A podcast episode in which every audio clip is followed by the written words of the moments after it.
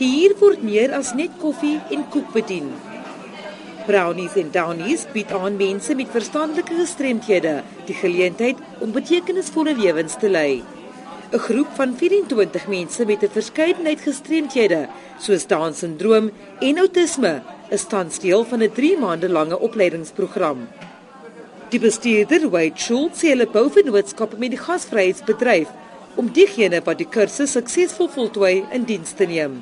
The coffee shop acts as a training center as well. So we bring them in and we train them to be waiters, uh, waitrons, baristas, kitchen staff, scullers, etc. Teach them about the hospitality industry and then eventually move them on to our, our business partners, move them into spas, move them in. Uh, Truth Coffee is our business partner at the moment as well. Then we're going to teach the, the companies how to handle them, the intricacies of like a give and take relationship, like any employee and employer.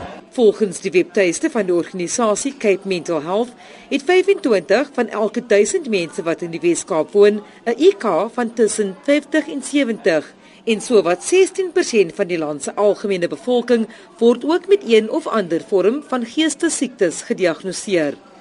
Vakleerlinge by Brownies en Downies sê die program gee hulle 'n doel in die lewe. Die 19-jarige Ashley Hoffman wat outisme het, word tans opgelei as 'n kelner. Sy sê dit sal haar eerste regte werk wees. I kind of like work in a shell to put a roof over my head. So I wouldn't say that was completely a job. That was just like more of a chores. I was rejected at 17 school, so get given a chance. It's amazing. I don't feel useless. Die maatskaplike werker Wendy Vermeulen wat die idee na Suid-Afrika gebring het, sê dit is veral vir mense met verstandelike gestremthede wat sukkel om werk te kry. One of the main issues is that because they can't see it. You know, with a person in a wheelchair, you can see that there's a disability. With someone with Down syndrome, you can see it in their face. But with autism or fetal alcohol syndrome or learning disabilities, you can't see it. So everyone thinks, oh, but why are they acting that way? They're normal. Die idee het sy oorsprong in Nederland waar 30 soortgelyke winkels reeds bestaan.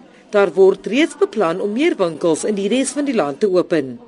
Vanessa Puna aan Kaapstad.